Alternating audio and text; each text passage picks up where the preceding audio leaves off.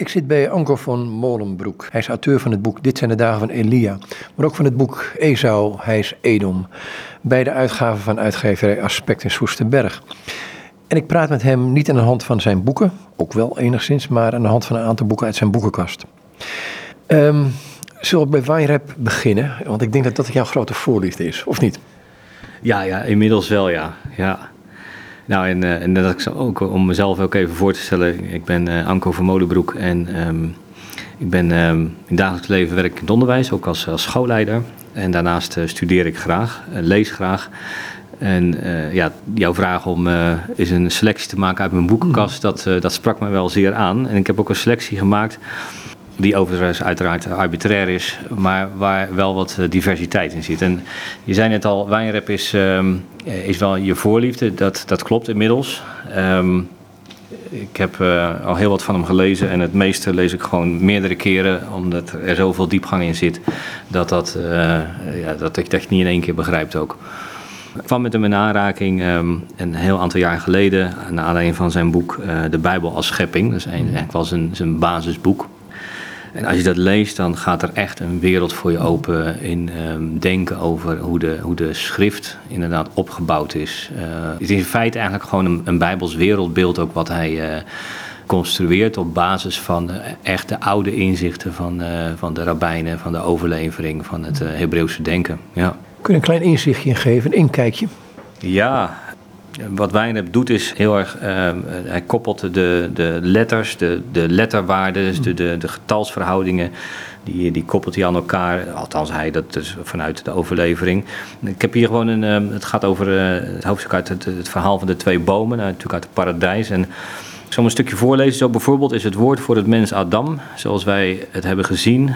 En, en dan geeft hij de getalswaarden, de, de 1, de 4 en de 40. En dus de alef is de A, de D, de dalet is de 4 en de mem, dat uh, is het uh, getal 40. Het woord voor heer echter, ook voor heren zoals het anders dan het geschrevene wordt uitgesproken, is 1, 4, 50. Dus niet geen 40, maar 50. Dus weer die verbinding met de volgende wereld, met een hogere wereld dan deze. En dan duidt hij op het, woord, over op, de, op het getal 50, wat voorbij de 40, voorbij deze wereld ligt. Het bewonen van de wereld van de Hof van Eden, het bereiken van de boom des levens is dus niet een intellectuele zaak alleen. En dit is een zin die ik nu onderstreept heb. Voorwaarde is de instelling of men de weg van God wil aanvaarden, zonder zelf eerst beoordeeld te hebben of die weg wel past bij onze voorstellingen en of niet een andere, een eigen weg, betere resultaten zou kunnen afwerpen. En als ik dat nu weer lees, en, um, dan, dan, begrijp ik wel weer waarom ik die onderstreept heb. Dat het een soort principe is voor je leven ook. Hoe volgen wij God? Doen we dat onvoorwaardelijk? Of hebben we eigenlijk gewoon onze eigen weg die we denken dat beter is? Maar volgen we God zonder te weten waar het uitkomt? Dat is, dat is wat hij hier zegt ook. En dat doet hij dan vanuit uh, het Hebreeuws en, en de, de letters die gebruikt worden. Maar hoe, wat bedoelt hij met de Bijbel als schepping? Je kunt het als een geschiedenisboek zien, ja. of dat is het niet, het, het is ja. meer dan dat, maar goed. Ja. Uh, je kunt er allerlei, het is een boek, je kunt er allerlei, maar als schepping, dan, dan, dan ga je nog een etage hoger, denk ik. Ja, of een niveau dieper. En hij, um, als ik hem goed, goed begrijp, wat, uh, dat moet ik er wel bij zeggen. De, de, de overlevering zegt, de Joodse overlevering, de, de Rabbijnse overlevering zegt van de, de Torah, dus de eerste vijf boeken van Mozes, dat is waar God de wereld mee schiep. Dus de essentie van die boeken is, niet, is geen bijbelse geschiedenis, zijn niet de mooie verhalen, maar is het de, dat zijn de woorden waarmee God deze wereld schiep. En dat zie je bijvoorbeeld heel mooi in het, in het principe bijbeluitleg uh, van uh, de rabbijnen die zeggen van wil je weten wat een woord betekent, dan moet je teruggaan naar het eerste gebruik. In de wetenschap dat uh, een woorden scheppingskracht hebben. En de manier waarop het daar gebruikt is, heeft het blijkbaar iets tot stand gebracht. Dat is iets wat ik zelf ook gewoon veel en graag doe, ook als ik een woordstudie doe of schriftstudie terug naar het eerste gebruik in de schrift. En dan kom je dus bijna altijd dus bij de Torah uit. Uh, omdat dat, dat was de eerste keer dat God dat woord gebruikte om iets tot stand te brengen. En dat bedoelt hij met de Bijbel als schepping. Zit er ook het verwonderlijke in, eh, daar had ik het laatst even met mijn kleinkinderen over, over een bepaalde woorden mannelijk en bepaalde vrouwelijk zijn. En dat gaat door alle talen heen vaak, hè? Absoluut. Het is niet om het even inderdaad of een woord mannelijk of vrouwelijk is, of zelfs mannelijk of vrouwelijk wordt gebruikt. En dat berust ook uh, op, de, uh, op het principe dat het mannelijke staat voor de ene, staat voor het hemelse, staat voor de geest. En het vrouwelijke staat voor het lichaam, voor de vorm, voor de, de concretisering in deze wereld, voor de tijd ook. Een mooi voorbeeld was bijvoorbeeld in mijn boek over Elia. Elia komt bij de weduwe van Sarfat en dan vraagt hij van heb je ook wat te eten voor me, heb je wel koeken enzovoort. Het woord dat die vrouw gebruikt voor koek of broodkoek is mannelijk. En Elia gebruikt de vrouwelijke vorm. Mhm. En als je dan een stukje woordstudie doet op die vrouwelijke vorm, dan zie je dat die vrouwelijke vorm te maken heeft met de dienst aan de eeuwige. Dus daar zitten onder, de, als het ware, onder het wateroppervlak, onder dat dat zichtbaar is, zitten heel veel verschillende andere betekenissen. Dus inderdaad, mannelijk en vrouwelijk is, uh, is absoluut uh, een, een, belangrijk verschil. Uh, als ik er nog eentje mag, mag een voorbeeld mag geven, wat ik altijd graag gebruik, wat ook, ook zo mooi is. In Leviticus, daar lezen we op een gegeven moment over de reinigingswetten voor de vrouw als ze een meisje heeft gekregen of als ze een jongen heeft gekregen. En de reinigingsperiode na een jongen, de geboorte van een jongen, is 40 dagen. De reinigingsperiode van een, na een meisje is 80 dagen. Wij vullen dat al heel gauw in als, als zou een meisje minder waard zijn. Dat is sowieso ons, ons verkeerde beeld van wat onreinheid betekent. Maar wat schrift hier laat zien, is het verschil tussen mannelijk en vrouwelijk. Het, hè, dus de, de, de mannelijke heeft met de één te maken en het vrouwelijke heeft met de twee te maken. Het mannelijke met, met de hemel, het vrouwelijke met de aarde. De mannelijke met de schepper en het vrouwelijke met de schepping. En die verhouding die, die uitzicht dus ook op dat gebied in, in de reinigingswetten. Dus de mens is een deel van die schepping, van die materie. En dan komt Jezus. Kun je dat daarin plaatsen? Ja, ook daarin zie je weer in feite dezelfde, uh, hetzelfde mechanisme, dezelfde verhouding, of hoe je het ook maar mag noemen. God is een geest. Die, die kunnen wij niet zien, niet vatten. Hij is er. Maar hij heeft zich zichtbaar gemaakt in de persoon van, van de Messias, in de persoon van Christus. De Hebreeën spreekt over het uitgedrukte beeld van zijn zelfstandigheid. Dus, dus daarom zegt, zegt de, het Nieuwe Testament dat hij in de tijd onze gedaante heeft aangenomen. Dus onze vorm, onze, ons mens zijn. Ja, dat, dat, dacht ik in een van die brieven ook, dat hij de schepping weer onder één hoofd wil samenbrengen. Ja, en dat is dan denk ik ook zijn werk om, om tot eenheid te brengen. dat is, bij Elia zie je dat, uh, daar zag ik het, zie ik het patroon ook van een, een, een tijd en tijden en een halve tijd. En wat ik ontdekte is dat die ene tijd, de enkele tijd, heeft altijd te maken met de dienst aan de eeuwige, aan de Heere God, aan de tempel. De twee heeft te maken, de dubbele tijd heeft de tijd in de ballingschap, de tijd zonder God. En de halve tijd, op de helft van de tijd keren wij terug. En ook als ik daar een voorbeeld van geef, dan, dan kom ik uit bij de uittocht uit Egypte. Want die was op de helft van de helft van de helft van de helft. Er was geen ander moment waarop dat kon gebeuren. Op de helft van het jaar, dus de zevende maand, en die werd in het, vervolgens tot de eerste maand. was op de helft van de maand, de veertiende dag. Was op de helft van de dag, namelijk de nacht. En om middernacht, dus op de helft van de nacht. En ook dat is weer zo'n zo'n principe. Op de helft van de tijd vindt de terugkeer plaats. De helft van de tijd is de tijd van beslissing. Keuze tussen leven en dood. Wanneer komt de bruidegom? Die komt om middernacht. Matthäus. Wanneer zongen Paulus en Silas lofzangen? Dat was om middernacht. En toen kregen ze de aardbeving. Raakten ze verlost. Weet je, dus dat is het principe. En dat is ook eigenlijk wat ik in het denken van, van Wijnrep ook echt geleerd heb. Om op die manier te, te lezen, te leren. Dan ga ik naar andere ik, ik blijf even bij het Joodse denken toch hoor. Um, naar meneer Levinas, um, over de ander. Dit charmeert, ja, we blijven in die Joodse gedachtenwereld. Um, die Levinas, vertel eerst iets over hem. Wie was hij? Levinas was een uh, Joods-Franse filosoof uit, uh, goed, uit de vorige eeuw. Ook, inderdaad ook een, een Joodse denker. En van hem is eigenlijk de filosofie van de ander. Um, ooit uh, kreeg ik in een, in een, in een um, een studiemiddag uh, sprak iemand eh, een van zijn woorden van ik word ik in het aangezicht van de ander. Mhm. En dat, dat trof mij toen, dat heeft me echt aan het denken gezet ook en dan word je ook nieuwsgierig. Wat Levinas eigenlijk zegt in, in mijn eigen woorden, waar een ander staat, kun jij niet zijn, kun jij niet bestaan. En dat, dat is dezelfde eh, verhouding als Boebert heeft over uh, ik en jij. En bijbels mogen wij niet in de plaats van de ander gaan staan. Wij mogen de plaats van de ander niet innemen. Maar een ander is er wel en uh, in zijn gezicht, in zijn aanwezigheid kunnen wij ons spiegelen en kunnen wij ook onszelf worden. En dat, ja, dat zijn die gedachten, dat vind ik heerlijk om over na te denken, maar ook om ze in de praktijk te brengen in de wijze waarop je een ander tegemoet treedt. Ik, ik ga natuurlijk ook vanuit mijn werk veel met, met andere mensen om. Ik geef leiding. En hoe doe ik dat? Wat zijn voor mij dan leidende principes? En dit is er één van. Om een ander zijn plaats te gunnen, aan zijn plaats te, te laten. Kun je die ander ook met een hoofdletter schrijven? Absoluut, ja. Dat is nou precies wat, wat de Heere God doet in het paradijs. Dat hij zegt van Adam, waar ben je? Tuurlijk wist God waar Adam was. Maar hij vraagt, aan Adam: Je bent van je plaats afgegaan. En ik kan je, ik kan je niet meer nu. Ik wil je ontmoeten. Maar waar ben je dan? En terwijl even later Abel met één klap doodgeslagen wordt. Hij werd geen plaats gegund. Dus de basis van, van alle ellende in deze wereld is dat we een ander geen plaats gunnen. Als ik dat nou betrek op God, moeten wij hem een plaats gunnen? Ja, of je dat helemaal gelijk moet trekken tussen God en mens, ja, uiteindelijk is wel de vraag van welke plaats gun jij God in je leven?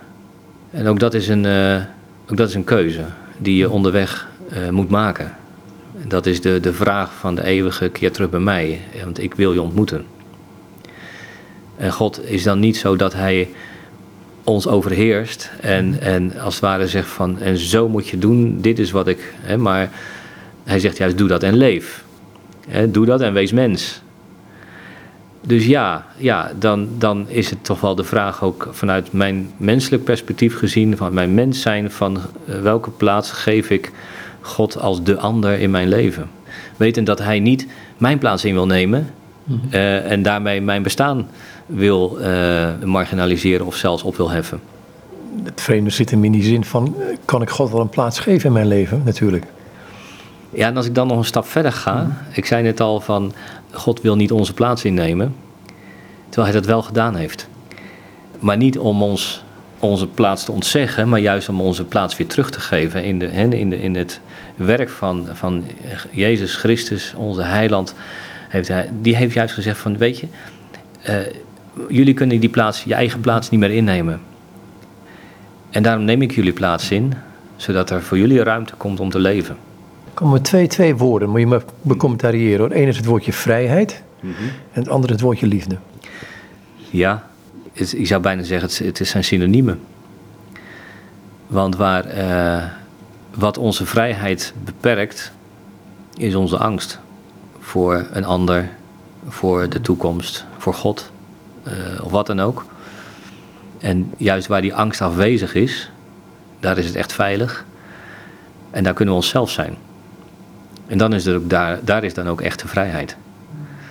Ik vind altijd een mooi, mooi beeld, een mooi, mooi verhaal ook. Er is ooit onderzoek gedaan ook naar ehm, het gedrag van kinderen op een schoolplein.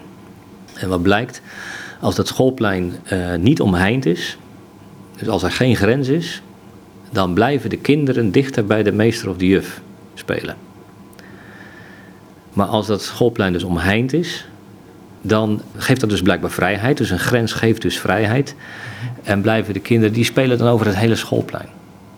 Dat vind, dat vind ik zo'n mooi beeld. Dat is nou precies wat, wat de, de eeuwige voor ogen heeft ook met zijn, uh, met zijn aanwijzingen. Dat zijn geen beperkingen. Nee, dat, die stellen ons juist in de vrijheid. Ga ik naar het woordje liefde toe? Ja. Dat is nog een stap verder. Want dan heb je het over een relatie waarin de een zich in de ander wil verliezen. Laat ik het zo maar even korter de bocht zeggen. Ja, de Bijbel zegt dat de volmaakte liefde drijft de, de vrees, drijft de angst buiten. En dus waar liefde is, kan geen angst zijn. Ja, dat, dat is voor mezelf ook altijd wel een, ehm, ook, ook een, een worsteling of, of een, een vraag bij mezelf van oké, waar ben je dan bang voor? dat je dat ook, ook zoekt. En, maar de keerzijde is ook van, kan ik ook lief hebben? Ook als ik een ander ontmoet, Dat is, mijn, dat, is, dat is mijn verantwoordelijkheid om een ander lief te hebben. Dat ligt niet bij een ander. Dus je komt heel erg dicht ook bij jezelf en bij je eigen mens zijn uit. Dus, dus die twee die hebben, die hebben gewoon alles met elkaar te maken. Ja. Wat, wat, wat is God liefhebben? ja, ik zou bijna zeggen, wist ik dat maar. Maar volgens mij is dat iets wat we moeten doen. Terwijl ik ook weet, ook ervaren heb, ook in mijn leven, dat het niet is wat jij eh, zelf doet of eh, kunt doen, maar wat ook toch in zekere zin ontstaat. Er is natuurlijk iets vreemds mee. Hè? Dat is, het is geen chemisch proces of zo. Maar blijkbaar is de, de behoefte aan relatie ontstaat juist door, doordat, er, doordat we kunnen liefhebben.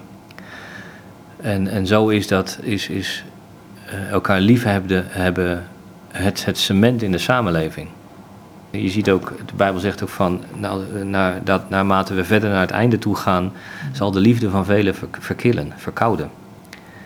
En ik, ik, ik denk in deze maanden ook wel eens van het feit dat wij nu zo angstvallig afstand moeten houden van elkaar. Wat gaat dat betekenen in ons leven, in, in onze samenleving?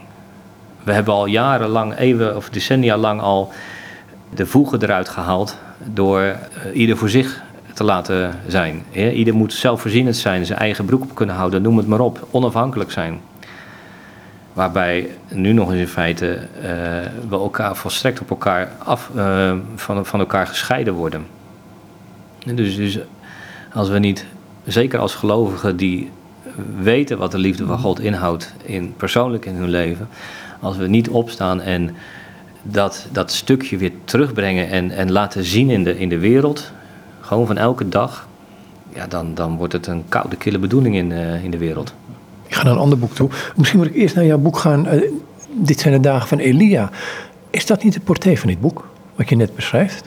Ja, ik kan het beschrijven omdat ik het op die manier ontdekt heb. Ja, ja. en eh, het boek is natuurlijk een, een, een, deels een, een, gegrond juist op een stuk bijbelstudie.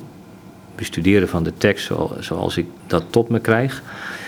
Maar mijn denken wordt natuurlijk ook gevoed door wat we net even hebben, door Levinas, door Pekker, door, eh, door Wijnrep, noem het maar op ook. Hè. Dus, dus ehm, er zijn heel veel bronnen die op een gegeven moment allemaal puzzelstukjes zijn waarin je een compleet plaatje krijgt. Je noemde hem, ehm G.I. Packer, ehm, met studiehandleiding, God leren kennen. Kan dat? Ja, volgens Pekker wel, hè. Dat, eh, Nou, ik vraag het aan jou. ja, dat, dat kan absoluut.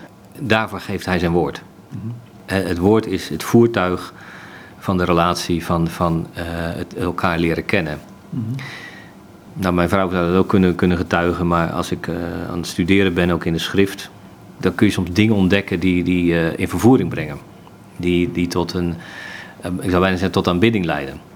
Dan loop ik wel eens inderdaad naar beneden toe van, joh, moet je nou eens horen wat ik, eh, wat ik ontdekt heb. Ik val altijd gewoon dan middenin, dus de ander heeft meestal niet zo heel veel idee waar ik daarmee bezig ben. Maar dat geeft wel aan wat het, dat het wat met je doet ook. Dat het een relatie ook geeft en dat je daardoor God beter leert kennen. Ja, en wat ik, ik heb dit boek van Pekker uit mijn kast gehaald. Het is heel wat jaren geleden dat ik het eh, gelezen heb, in de jaren negentig. Daar, daar, daar is het ook toen vertaald. En wat mij toen de tijd, ook dat herinner ik me nog goed, ook eh, toen de tijd ook trof, was inderdaad gewoon de systematische manier waarop Pekker allerlei gebieden van het God leren kennen afgaat, maar dat ook praktisch maakt in, in, je- in, in het leven. En ik heb daar nu niet direct eh, wat voorbeelden van, behalve één, één uitspraak van hem die ik nogal eens gebruik, die ook ja, tot mijn eigen vocabulaire is gaan behoren, is dat hij zegt van, eh, hij heeft het over de wijsheid van God. En wat is wijsheid? Wijsheid is het zoeken of het, het, het vinden van het beste middel voor het beste doel. Dat vind ik, vind ik echt geniaal. Eh, wijsheid is het vinden van het, beste middel voor het beste doel. En als ik dat dan doorvertaal naar eh, de persoon van, van de Heer Jezus Christus, zoals we net zeiden, het uitgedrukte beeld van zijn. Hij is het beste middel voor het beste doel, namelijk om de schepping weer tot, tot de schepper te brengen. Om weer terug te brengen bij, tot eenheid, tot heelheid. En dan zal hij alle dingen onder zijn, onder één, ik zou zeggen, één noemer brengen. Ja. Maar God leren kennen. Ehm, ik ben wat ouder. Ik weet niet of het jouw ervaring is, maar je begint met van, hé, hey, ik heb God leren kennen. En ga naar de weg merk je van, oh, zoveel is het niet wat ik van God ken. Ik weet wel ongeveer, maar het het merendeel weet je toch niet. Ja, daar kom je op een gegeven moment achter ook. Dat er nog zoveel te ontdekken valt.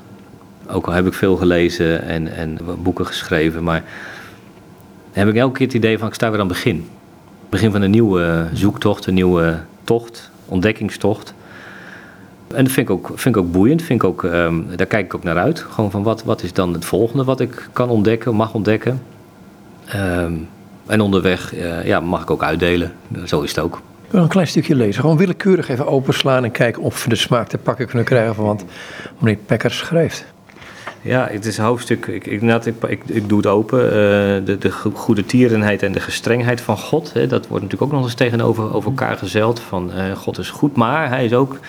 En het is ten volle gestrengheid en ten volle goede tieren, ten volle liefde. Dat is voor ons menselijk verstand niet te begrijpen. Maar je, zegt iets heel apart. Je zegt ja. dat woordje maar, dat gebruiken we nogal makkelijk. Zeggen ja, God is liefde. En het liefst zeggen wij dan maar. Maar als we dat maar nou eens achterwege laten. Ja, daar ben ik mee eens. Dat, dat moeten we ook doen. Alleen, ja, ik zou bijna zeggen, maar in ons verstand eh, past dat zo slecht. Wij zijn opeenvolgend. Hè? Wij zijn mensen van de tijd. Dus het is eerst A dan B, de oorzaak-gevolg. Uh, dus het bestaat bij ons zo moeilijk om zowel in, term, in liefde te denken, als in rechtvaardigheid, als in goede tierenheid, als in maar de schrift die, hè, zoals God zich aan, aan Mozes bekend maakte eh, bij de Horeb, en zegt van, hè, mijn naam is, en dan volgen al die eigenschappen. Ja, en dat, dat samen, dat, dat maakt. Nou, als ik gewoon eens even een stukje lees. Um, let dan op de goede tierenheid Gods en zijn gestrengheid, schrijft Paulus in Romeinen 11, vers 22. De nadruk, nou, ik heb het niet gezocht, maar de nadruk ligt op het woordje en wel mooi? Dat is blijkbaar, nu, nu zegt Pekker dat, dus blijkbaar heb ik dat ooit wel een keer opgepikt ook. De apostel is bezig met een uiteenzetting over de relatie tussen Joden en Heiden in het plan van God. Hij heeft zojuist een heidense lezers eraan herinnerd dat God velen van hun Joodse tijdgenoten wegens hun ongeloof heeft afgewezen, terwijl tegelijkertijd vele heidenen, zoals ook zij zelf, door hem tot het verlossend geloof werden geleid. En nu moedigt hij hen aan om na te denken over de twee kanten van Gods karakter die bij deze handelingen tot uiting komen. Let dan op de goede tierenheid Gods en zijn gestrengheid. Over de gevallenen gestrengheid, maar over u goede tierenheid Gods. Christenen in Rome moeten niet alleen stilstaan bij Gods goede tierenheid en ook niet alleen bij Gods gestrengheid, maar bij beide. Allebei eigenschappen van God, aspecten van zijn geopenbaarde wezen. Zij functioneren naast elkaar op de weg naar de genade. En beide zullen erkend worden als men God oprecht wil kennen ja, dat, dat, nogmaals, dan is het uit mijn hart gegrepen. En, en een ander begrip, een paar, wat ook nogal eens als tegenstelling wordt gebruikt, is bijvoorbeeld wet en genade. Mhm. Het is genade dat er een wet is. We leven ook niet in de tijd, in de, in, de, in de periode van de wet of in de periode van de genade. Dacht je dat Abraham niet in de genadetijd leefde? Net zo goed. Natuurlijk, ook de mensheid wordt als het ware tot volwassenheid geleid. En op die weg naar volwassenheid hoort op een gegeven moment dat je de grens leert kennen. En dat je vervolgens weet dat het niet alleen maar een wettisch leven moet zijn, maar dat er ook dat je moet leren om elkaar ook een plek te gunnen en genadig te zijn, barmhartig te zijn enzovoort. Ja. Ik, ik vind die term wettisch altijd een beetje, een beetje de griezels van. Want ik mm. bedoel, als ik de verkeersregels in acht neem, dan leef ik niet wettisch. Nee. Dan ben je gewoon er zijn bepaalde regels waardoor je, als het licht op groen staat, dan kun je doorrijden en rood, dan stop je. Terwijl, en daarom hou ik er ook van om het, liever over het onderwijs te spreken, zoals de Torah betekent, dan, dan over een wet. En natuurlijk zijn er gewoon er zijn voorschriften, er zijn, voor, zijn gewoon richtlijnen waarop we ons leven kunnen, ons gedrag kunnen toetsen. Maar dat is wat anders van zo moet het. Denk alleen maar aan, aan zondagsheiliging of zo ja, daar kun je ook tot in het oneindige bedenken van wat wel en wat niet mag. Dat doen zowel reformatorische uh, gelovigen als evangelische en als en, en, Joodse gelovigen. En wat zegt Jezus? De Sabbat is er om de mens? Of de mens om de Sabbat? Wat was het nou? ja, ja de, de, de Sabbat is voor de mens. Mhm. ja. ja, dus dat betekent dat, dat Jezus ons erop wijst dat we naar de essentie van die Sabbat terug moeten, de inhoud. Wat ik zo mooi vind, dat zeggen de rabbijnen ook van... De wet zegt, de, de tien geboden, tien woorden... die zegt van, gedenk de Sabbatdag. Als wij over gedenken hebben, dan staan we ergens bij stil... dan, dan lijkt dat tot, tot inactiviteit. Maar het gedenken in, in, in deze betekenis betekent dat je er actief in bezig moet zijn. En dat is als het ware een waardige herinnering, een waardig gedenken van de essentie van de Sabbat, namelijk tot rust komen. Ontdekken dat de eeuwige alles al gedaan heeft. En dat hij van ons vraagt om ons leven te leiden in inderdaad in recht en gerechtigheid, in liefde voor een ander. Je hebt met onderwijs te maken en dan ligt hier geheet een onderwijsboek, dat kan ook niet anders, tussen thuis en school. Ja. Ja, er kunnen toch de meest rare dingen gebeuren, denk ik. Eh, als kinderen op straat spelen en daar hun, eh, in een context de dingen leren die je eigenlijk thuis moet leren of op school moet leren. Ja, en daar gaat het boek eigenlijk weer net niet over. Uh, jammer. je zou de, de, de, titel denken, ja. Ja, het is eigenlijk wel, wel bijzonder dat ik ook heel veel boeken van, van Joodse denkers ook uit mijn kast gehaald heb. Tussen school en thuis gaat over contextuele leerlingbegeleiding. Ik vertelde net al van, uh, van die uitspraak van Levinas. Hè, ik word ik in het aangezicht van de ander. Die werd ooit gedaan tijdens een cursus over contextuele leerlingbegeleiding. En, uh, ja, wat is dat? Hij komt van de, de Joodse uh, psychiater, of Joods-Hongaarse psychiater en hoogleraar uh, Notch. En Notch die... Um, heeft uitgewerkt de, de, de gerechtvaardigde balans tussen mhm. geven en ontvangen tussen, tussen mensen. En dus met andere woorden, van, wij zijn we hebben als we geven ook recht om te ontvangen. En als wij te weinig ontvangen en veel geven, en wij zijn gevend, gevende wezens, dan ontstaat er een disbalans. En dat kan ook uiteindelijk leiden ook gewoon tot, uh, tot depressiviteit of tot uh, agressiviteit of wat, dan ook.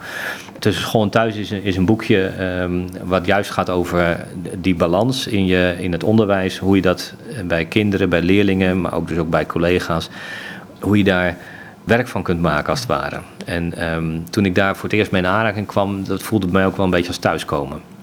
En ik denk dat dat ook heel erg te maken heeft ook gewoon met mijn eigen denkproces, uh, waar ik net een paar dingen van verteld heb. neem alleen dan bijvoorbeeld het, het begrip loyaliteit. Hè. Kinderen zijn altijd loyaal aan hun ouders. En Nord zegt dan dat dat komt omdat zij het leven hebben gekregen van hun ouders. Dus zij staan in eh, termen van, van schuld, ze staan in de schuld bij hun ouders. Vandaar dat ze ook altijd loyaal zullen zijn. En als je dat als leerkracht of als, als ehm, directeur niet, niet begrijpt, niet, niet ziet, ja, dan kun je soms domme fouten maken en, en ook meer schade doen dan, uh, dan je zou willen. Een voorbeeld bij? Nou, uh, een, een, triest voorbeeld is natuurlijk op het moment dat, ehm, dat vader en moeder uit elkaar gaan, mhm. of het nu een vechtscheiding is of niet, en er zijn kinderen die, die, die hebben een loyaliteit, zowel naar vader als naar moeder. Dus daar, daar vindt een, een splitsing plaats. En, als, en daar kan ook zijn dat, dat eh, een kind het zijn, zijn ene ouder kwalijk neemt. En erdoor het, het onrecht voelt van, van de, de, die, die splitsing. Als je dat als leerkracht, als je wij spreken daarin mee zou gaan, dan ontstaat er ook een mechanisme dat een leerling ook de loyaliteit naar de andere ouder voelt. En dat, uh, dan kan je hem ineens kwijt zijn. Dan kan je dus geen contact meer maken. Mhm. En dus op het moment dat je over beide ouders recht spreekt. En dus recht doet aan de loyaliteit die dat kind aan beide ouders heeft. Dan ontstaat er werkelijk ontmoeting. Mhm. En dat heb ik al heel vaak uh, gemerkt ook. En dat heeft ook te maken met um, de onderliggende mechanisme is ook um, uh, het gevoel voor, voor recht. Mm. Mensen zeggen wel eens van ik heb een groot rechtvaardigheidsgevoel. Uh, ik zeg dat heeft iedereen. Er is geen mens dat het niet, die dat niet heeft. Wij voelen allemaal als ons onrecht aangedaan wordt. Wat je ermee doet is een ander verhaal. En Notch noemt dat de dimensie van, um, van de, de relationele ethiek. En dat gaat eigenlijk gewoon van is het eerlijk? He, voel ik mij recht gedaan? Ik eh, vond een mooi voorbeeld. Uh, toen ik um, teamleider was, ook met, in het voortgezet onderwijs. dan worden leerlingen worden uit de les gestuurd. Nou, dan, komen, dan komen ze met stoom in je oren je kamer binnen. Van en dit en dat. En ik ben altijd de klos. Ik moet, hij moet mij altijd hebben. Hij heeft de pik op mij, weet je. Dat soort... Um, daar kan ik natuurlijk tegenin gaan, want het is maar zeer de vraag of dat zo is. Maar het eerste is wat ik doe vanuit deze benadering, is, is gewoon het, het ja zeggen tegen zijn kijk op de werkelijkheid. Dat wil niet zeggen dat ik het mee eens ben, maar hij mag dat hebben. En het tweede wat ik doe, dat ik hem erken van, en wat ik jou eigenlijk hoor zeggen, is dat je het niet eerlijk vindt. op het moment dat ik dat zeg, merk je gewoon dat zo'n gesprek, dat er alle ruimte komt om het werkelijk te hebben van wat gebeurt er nou eigenlijk. Nou, dat, dat is wat mij in, in, eh, in deze benadering en zo ontzettend ook uh, aanspreekt. Kan in de hectiek van een thuissituatie wel eens ehm, overrold worden door die hectiek juist. Hè? Dit, dit soort benaderingen van ga ervoor zitten en luister eens. Ja, en daarom is het ook goed om, uh, om, om dit je, jezelf toe te eigenen, deze, deze manier van denken. Ja, en op een gegeven moment leer je ook wel door, door het gewoon veel te doen. Uh, heb je ervaring en, en vind je de woorden ook. Um, ja, dat zijn soms maar enkele zinnen die, die uitmaken. En waardoor je een relatie kunt herstellen. Ik heb ooit een, uh, ik herinner me nu een, een meisje dat was uh, een boekje te buiten gegaan, zullen we maar zeggen. En haar ouders waren diep teleurgesteld. Dus dat kind kreeg echt de hele bui over zich heen. Had ook echt met schaamte te maken van ouders enzovoort. En um, over uh, wat ze gedaan had. en eigenlijk wilde ze haar het liefst zeg maar, in een kostschool gaan plaatsen, ver uit de buurt. Ik had ze uitgenodigd. En ik weet dat meisje zat naast mij, die ouders daar tegenover. Ook dat is al, uh, al heel interessant van vaak hoe ouders met kinderen aan tafel gaan zitten. En um, ja, dat, ik, ik voelde haar gewoon steeds kleiner worden bij alles wat vader en moeder zeiden.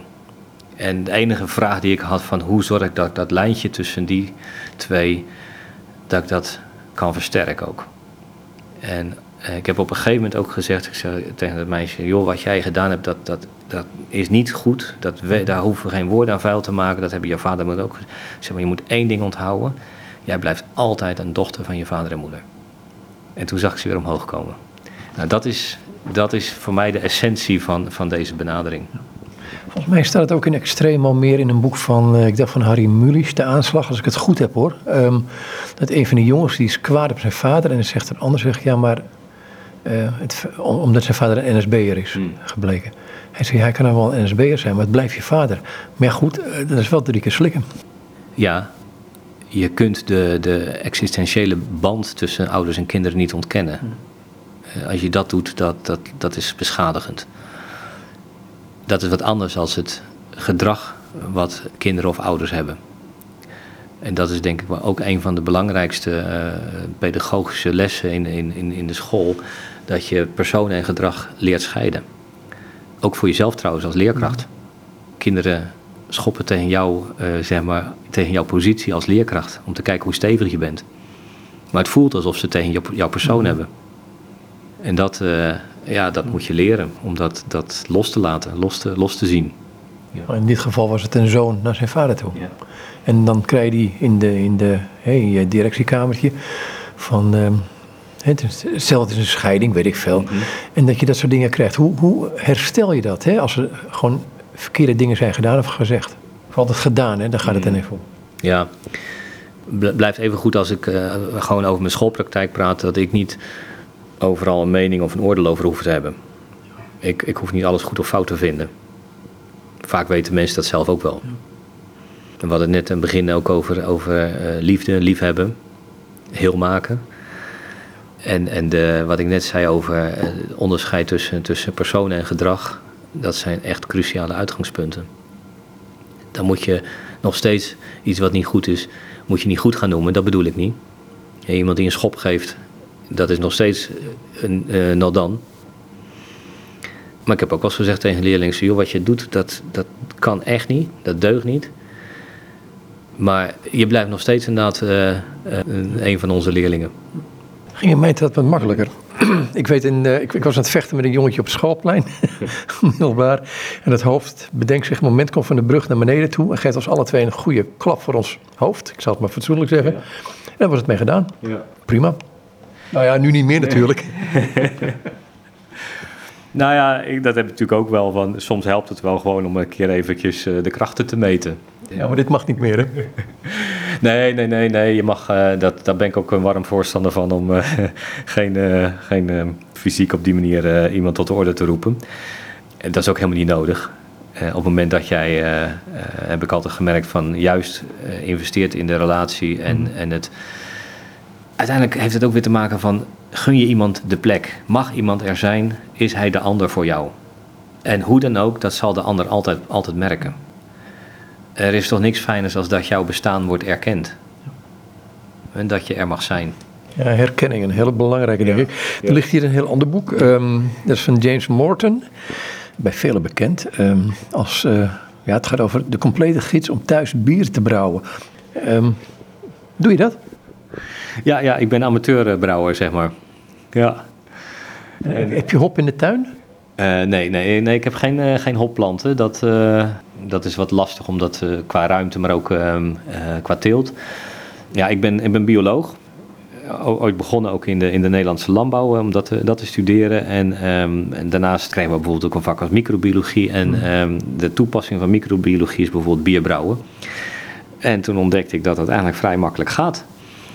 En zo is een nieuwe hobby ontstaan eigenlijk. ja, het is een vorm van ik vergelijk het wel eens, uh, brouwen is ook net als, als broodbakken of uh, koken. Uh, dat zijn creatieve processen.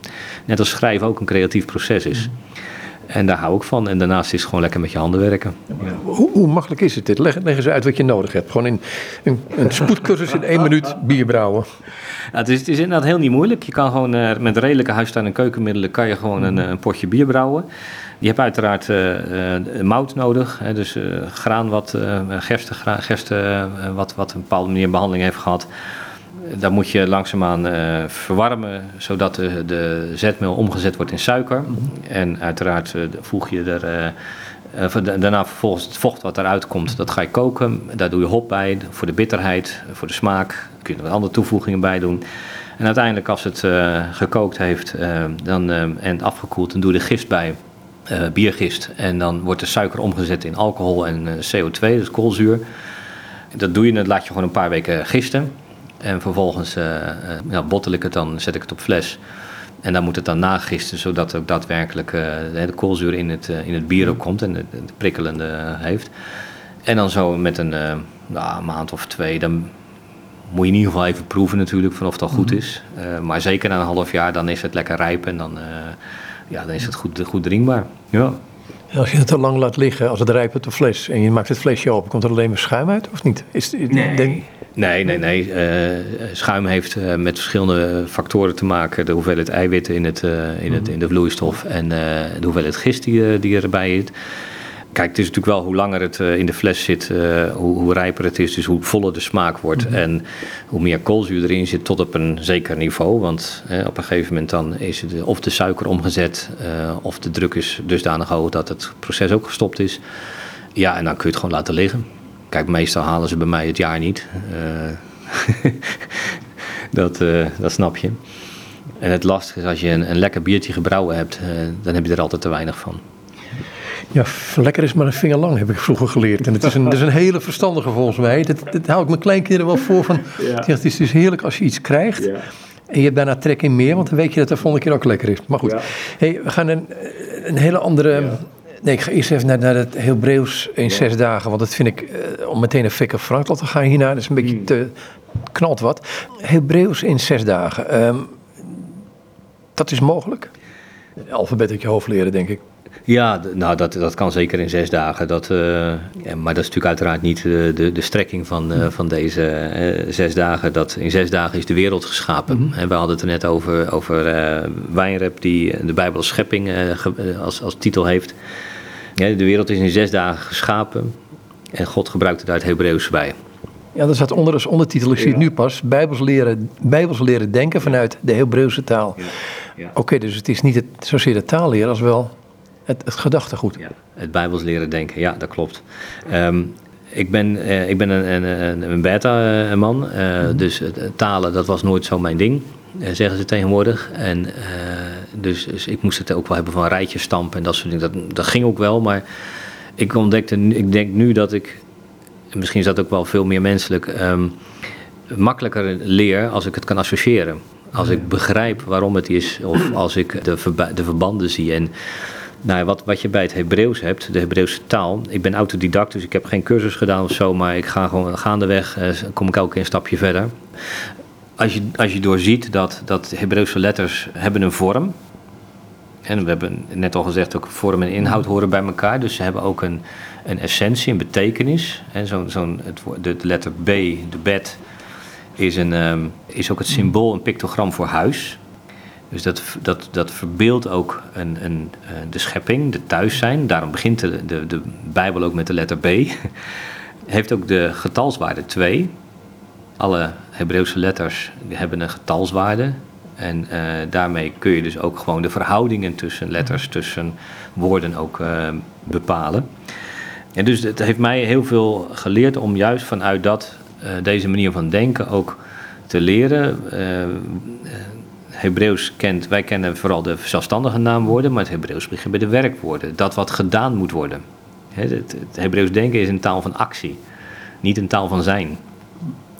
En ja, dat, dat zijn allemaal eh, diepe, diepe inzichten die je op een gegeven moment leert en waardoor je ook op een andere manier de Bijbel gaat lezen en naar de, de, de, de schrift ook studeert. Kun je gewoon een klein stukje eruit, want ik word nu nieuwsgierig. Want het is, het is niet. Want is Bijbelse denken dan, dit Hebreeuwse denken, hetzelfde als gewoon eh, als christen de Bijbel lezen? Ik zou willen dat het zo was. Ja. Ooit hoorde ik iemand zeggen, of werd er, is, is er een uitspraak aangehaald van we hadden nooit de Bijbel moeten vertalen, maar we hadden Hebreeuws moeten leren. Omdat de vertaling altijd een verarming is. En ik heb nog heel regelmatig als ik bij het Hebreeuws aankom en ik, ik, ik probeer dan te begrijpen wat de betekenis, de essentie van een woord is. Dat je het wel ongeveer weet, maar dat het toch net niet is. En dat is heerlijk. Ik heb geleerd dat ik daarvan kan genieten en dat, dat, uh, dat het mag. Dat het, dus blijkbaar dat er meer in zit dan ik nu kan zien. Ja, er zijn, zijn kwade tongen die eh, ooit iemand heeft gezegd in een boek van vertalen is liegen. Of een beetje liegen. Ja, ja. Wel heel extreem, maar goed. ik, ik, snap wat die bedoelt. Want je kunt nooit begrippen helemaal vertalen. Dat is natuurlijk het, het, het nare van bepaalde begrippen. Ja, waarbij het natuurlijk gekoppeld is aan het, de overtuiging of het waarheid is of niet. En dus, dus je wilt dan het woord van God recht doen. Om het zo getrouw mogelijk over te zetten. Dat snap ik. Maar blijft altijd een levende taal. Woorden krijgen betekenis in de context die, waarin ze gebruikt worden. Ook het Hebreeuws. Nou ja, als ik gewoon even een, een klein uh, stukje voorlees uit dit boek ook. Um, dan ben ik bij de, de letter mem aangekomen, de 40. De, de, de mem, uh, ik, ik, noem het de 40 omdat dat de getalswaarde 40 heeft. En de mem staat voor water. het is ook een golfbeweging zie je als het ware in de letter de woestijntijd, de wachttijd. Wij kennen daar de 40 dagen in de woestijn, de 40 jaar in de woestijn. Dus alles wat met 40 te maken heeft, is, als het ware de, de tijd van ons leven. Uh, de vierde letter in de tweede letterserie is de mem, onze m, die het getal 40 vertegenwoordigt. En zo te zien is het een kaf, dat is een andere letter met een waf ervoor. Dus een samenstelling van twee andere letters. Aan het slot van een woord is hij hoekig, volledig vierkant. Een echte omtrekletter. Mem betekent water en water is het symbool voor de tijd, voor het stromen van de tijd. En de mem doelt speciaal op de tijd in woestijn. Memtijd is wachttijd. Want wie zich laat wegroepen uit Egypte, moet niet denken dat meteen het beloofde land er is. Dat kan tijden duren. Een tijd en tijden en een halve tijd. En tussen Egypte en het beloofde land ligt de mem, de 40-jarige wachttijd in de woestijn. Dus, dus het hele idee van ik kom tot bekering en halleluja, alles is mooi. Dat is even zo, zo'n triggermoment, maar dit, dit, dit is je toekomst. Ja, dat, omkering, teshuva, bekering, dat, dat is juist uh, het begin van iets nieuws. Het begin van de terugtocht. En op die terugtocht ontdek je hoe het werkelijk in elkaar zit, steekt. Dus dat is mijn ervaring. Ja. Ik ga naar een ander boek toe. Dat, dat heeft mij mag wel zeggen, diep geraakt. Uh, Victor Frankl, De Zin van het Bestaan. Um, inleiding tot de logotherapie. Hij is het concentratiekamp geweest. Dit, eh, ik wil niet zeggen het is een must voor iedereen om te lezen, maar het zou niet gek zijn. Ja, dat ben ik met je eens. Een van de basisbehoeften uh, van een mens is, is ja, het, het, is de basisbehoefte van competentie, maar eigenlijk heeft het de, de, een, een, betekenisvolle bijdrage aan deze wereld wat geeft nou werkelijk betekenis aan jouw bestaan? Ik denk dat we daar allemaal naar op zoek zijn en naar op zoek moeten. Dat dat ook nou juist die zoektocht is in die woestijn om, om te ontdekken wat, wat jouw bijdrage, wat jouw betekenis is in deze wereld. En ehm, dat is ook waarom ik hem hierop heb gezet. Hij ontdekte uit al die ellende van die, van die concentratiekampen, wat maakt dat iemand in leven blijft. Dat als die weet dat zijn leven betekenis heeft. Ja, eigenlijk zou je er even gewoon bij stil moeten zijn. Mhm. En hij heeft dat inderdaad later uh, omgezet naar, een, uh, naar zijn, zijn benadering, zijn therapie, zijn logotherapie. En wat ik er zelf ook van leer, ook weer, uh, ik probeer dat in mijn eigen praktijk ook toe te passen. Um, en dat completeert eigenlijk het beeld ook van wat we net ook zeiden over de ander. Wat is dan, hoe, hoe kan je een ander van betekenis laten zijn? Wat kan jij bijdragen aan? Nogal eens wordt er gevraagd van wat heb jij nodig? Hè, wat heb jij nodig om vooruit te komen? Nee, de keerzijde is, de, de, en dat, dat, dat draai ik veel liever om van wat, wat kun jij bijdragen? Wat is de eerste stap die jij kunt zetten? En dan zie je dat er hele andere dingen naar voren komen. Dat er hele andere, dat mensen weer tot leven komen. Goed, dat zeg je. Maar dit boek is, dit is onder andere een verslag van hem. Van Victor Frankl, die in een concentratiekamp heeft gezeten. En daar de meest verschrikkelijke tijd van zijn leven heeft meegemaakt. Tegelijkertijd zegt hij, je mag zo het einde van het boek lezen, want daar zegt hij iets anders over. Maar goed. Mhm. Het blijft natuurlijk wel dat je, we hoeven niet allemaal een concentratiekamp mee te maken om wel te leren van zijn ervaringen. En dat is, daarom ben ik ook blij met deze boeken. En dat je daar een eigen vertaling aan eh, kunt geven in je eigen dagelijkse praktijk. Ja, daar ben ik steeds naar op zoek. Okay, kun je gewoon een stukje even het begin lezen, maar misschien ook het einde of gewoon een willekeurig stuk eruit? Want waar je, ook, waar je het ook openslaat, er is altijd iets wat je denkt van, oeh, liever niet. Na vele uren oponthoud verliet de trein het station. Daar was de straat, mijn straat. Voor de jonge mannen die al een aantal jaren kampjaren achter de rug hadden, was deze treinreis een belangrijke gebeurtenis en ze tuurden dan ook vol belangstelling door de kijkgaten naar de passerende stad. Ik vroeg hen, ik smeekte hen, mij één enkel ogenblik voor het raampje te laten staan. Ik trachtte hun te doen begrijpen hoeveel het op dat moment voor mij betekende één blik door dat kijkgat te mogen werpen. Ruw en sarcastisch werd mijn verzoek verweigerd. Heb je hier zo lang gewoond? Nou, dan heb je ook meer dan genoeg gezien.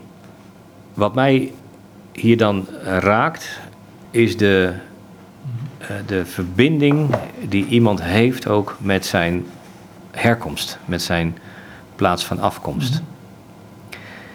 Blijkbaar geeft de, de plaats waar wij wonen of waar we eh, opgegroeid zijn of uh, de, waar we vandaan komen, dat geeft ook zin aan ons bestaan. Geeft ook betekenis. En ik moet daaraan denken aan een, een, een, een mooi verhaal wat ik um, opdeed in uh, een van mijn scholen waar ik uh, interim directeur werd. En ik ging inderdaad de, de klas rond om mij voor te stellen, ook als de directeur. En dat is een school met, in een binnenstad van een grote stad en met heel veel kinderen die afkomstig waren uit heel veel delen van de wereld. Heel veel ook uit Marokko, uit Turkije, uit het Midden-Oosten, noem maar, op. En ik, ik ging zo alle klassen langs en ik stelde me voor. En ik kreeg op een gegeven moment in verschillende klassen dezelfde vraag. En de vraag was van, meester, waar komt u vandaan? Um, blijkbaar heb ik ook wel een beetje een, een, een, een mhm. Turks uiterlijk of zo. Uh, uh, maar goed, in ieder geval, ik kreeg die vraag. en dus ik vroeg op een gegeven moment van... Jongens, ja, ik ben geboren in Zeeland. dan kun je gelijk natuurlijk een stukje onderwijs aan koppelen... van weet je waar Zeeland ligt enzovoort maar wat ik nog veel meer, en dat, dat, dat erkende ik hen, mhm. weet je, waar je vandaan komt, is belangrijk. Voor hen was belangrijk om te weten waar ik vandaan kwam. Ook wel van, uh, uh, ben je een van ons, zou je ook nog kunnen zeggen. Mm -hmm. Maar ik realiseerde me hoe belangrijk je eigen bestaansgrond is, je geboortegrond is. Daar waar je in feite thuis bent. De verbinding met, die, met de aarde is zo ontzettend belangrijk.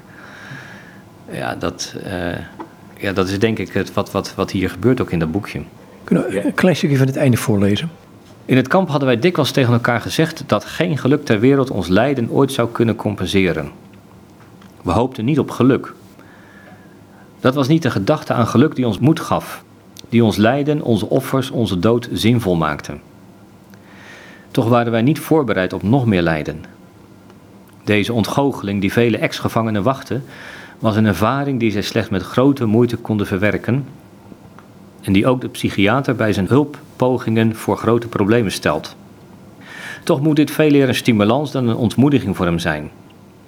Voor iedere bevrijde gevangene breekt echter eens de dag aan waarop hij, terugdenkend aan zijn kampervaringen, niet meer begrijpt hoe hij al dat lijden ooit heeft kunnen verdragen. Zoals de bevrijdingsdag eindelijk aanbrak toen alles hem voorbij kwam als een schone droom, zo breekt ook eens de dag aan waarop hij zijn kampervaringen nog slechts beschouwt als een angstdroom. Maar de ervaring die de kroon spant van al zijn ervaringen, is het heerlijke gevoel dat hij thans, na alles wat hij heeft doorstaan, niets en niemand meer te vrezen heeft, behalve zijn God. Apart dat hij dat zegt, hè? Ja, Want ik ken ook genoeg verhalen van mensen die zeggen, of, of getuigen van mensen die zeggen, nou, ik ben het, helemaal, ik ben het geloof helemaal kwijtgeraakt. Ja. Soms denk ik, ik, ik, ik kan het, ik snap dat. Ik snap dat. En, ehm, en ik snap ook, ook Frank al een beetje. Eigenlijk zegt hij ook van, weet je, na alles wat we hebben doorgemaakt, wie doet ons nog wat? En zij, hij, hij, heeft, hij heeft natuurlijk al heel nadrukkelijk de, de focus op hoe ehm, de, de kracht van de geest en van de verbeelding en van inderdaad de zingeving. Eh, De, de Bijbel zegt ons natuurlijk van vrees niet voor degene die het lichaam doden, maar veel meer degene die de geest doden. Ja, ik denk dat dat in dezelfde lijn is. Ligt het in de lijn van, en daar wil ik mee besluiten, met het boek wat jij zelf geschreven hebt. Wat, ehm, dit zijn de dagen van Elia. En we zitten in, in vreemde, onzekere tijden, noemen we het. ehm, veel angst. Ehm, eigenlijk hebben we niets te vrezen behalve God. Of is het een beetje te makkelijk gezegd? Maar we moeten het wel zeggen. Weet je, ik, eh, ik heb er de laatste maanden zeker veel over nagedacht. En ehm, mijn, mijn studie van Elia eh, leidt ook zeker tot de conclusie dat wij echt het, eh, de, de tijd naderen dat, waarvan de Heer Jezus zegt dat er geen tijd op aarde zo geweest is aan, aan verdrukkingen en vervolging. Dat is echt niet iets, iets om naar uit te kijken of, of om makkelijk over te doen. En het is maar al te zeer nodig om, te, te, eh, ja, om bij de overtuiging te blijven, bij het geloof te blijven, dat we niks te vrezen hebben behalve onze God. Mijn, mijn boek over Elia, die eindig ik daarom ook juist met die tekst uit, uit Matthäus van... ehm, ik ben met je al de dagen van deze wereld, hè, al deze dagen van deze aion, van, deze, van dit tijdperk. Ik denk dat als je dat als gelovige in, in, de, in de Messias niet hebt, dan waar ben je dan? Waar blijf je dan? Dan blijft inderdaad ook weinig meer over dan angst, mijn idee. Ehm, nou, dan maak ik me wel zorgen over. Dat benauwt me wel. Ja. Is dat wat we in deze, dit gesprek hebben gehad aan de hand van boeken, je boekenkast, eigenlijk ook niet een beetje ehm, de richting waarin je gaat met het boek van Dit zijn de dagen van Elia? Wat je geschreven hebt, wat net uitgekomen is? Ja. Ja, daar heeft het uiteindelijk eh, dat in, in, in de essentie mee te maken. Ehm, je probeert, eh, nou, ik, ik heb niet van tevoren een, een schrijfplan of zo, dus ik schrijf nadat ik eh, nadat de weg leidt. En dan merk ik op een gegeven moment van dat het goed is om nu een punt te zetten. Soms ook gewoon een hoofdstuk te moeten schrijven. Dat heb ik ook wel ervaren. Ehm, en als ik dan overal kijk, dan, dan zie je dat, dat Elia, waarom is Elia zo'n cruciale figuur in de Bijbel? Omdat hij de mensen terugbrengt bij de eeuwige. Hij is de aankondiger van de komst van de Messias. Maar Malachi zegt, hij zal de harten van de vaderen verenigen met die van de kinderen. En niet in een, ja misschien ook fysiek, maar vooral ook in de overtuiging, in het vinden van, van eh, de weg van God, in de vinden van, van de Messias ook. En ja, daar gaat het naartoe met, met hoe, hoe donker de tijd ook zal zijn van godsverduistering en godsverlating, waar natuurlijk ook de 20e eeuw ook een, een voorbeeld van, van is. Juist in die donkerte, eh, in het midden van de nacht, daar komt de Messias. Dan is er de tijd van verlossing en de- dan breekt het licht door. Ja. Het boek is uitgegeven bij uitgeverij Aspect in ehm Soesterberg. Heb je ook een website waar we wat meer over dit boek na kunnen lezen? Ja, ik heb eh, een, een website voor dit boek. Dat is de dagen van Elia.nl. En ik, ehm, en mijn denken staat niet stil, dus ik schrijf ook nog wel eens wat andere artikelen die hiermee te maken hebben of die op voortbeduren. Eh, je vindt er ook wat, ehm, wat schematische, eh, van de, schema's van de tijd ook, tijdpatronen. Die zijn in het boek wat, wat, wat moeilijk te zien, dus die heb ik gewoon in kleur op de website staan, zo om te downloaden. Ik heb daarnaast ook eh, een website over EZO, ezo.nl, waar gewoon hetzelfde eh, concept ook staat. En de mogelijkheid ook gewoon om te reageren of om eh, contact met mij op te nemen. Misschien doen mensen dat wel. Ik wil je bedanken voor dit gesprek. Ja, jij ook hartelijk bedankt. En dit is Anko van Molenbroek. En met hem was ik in gesprek over een aantal boeken uit zijn boekenkast. Maar eigenlijk inhoudelijk gezien over Dit zijn de dagen van Elia. Een boek uitgegeven bij uitgeverij Aspect in Soesterberg. Goed, nou ja, nogmaals tot zover dit gesprek met Anko van Molenbroek.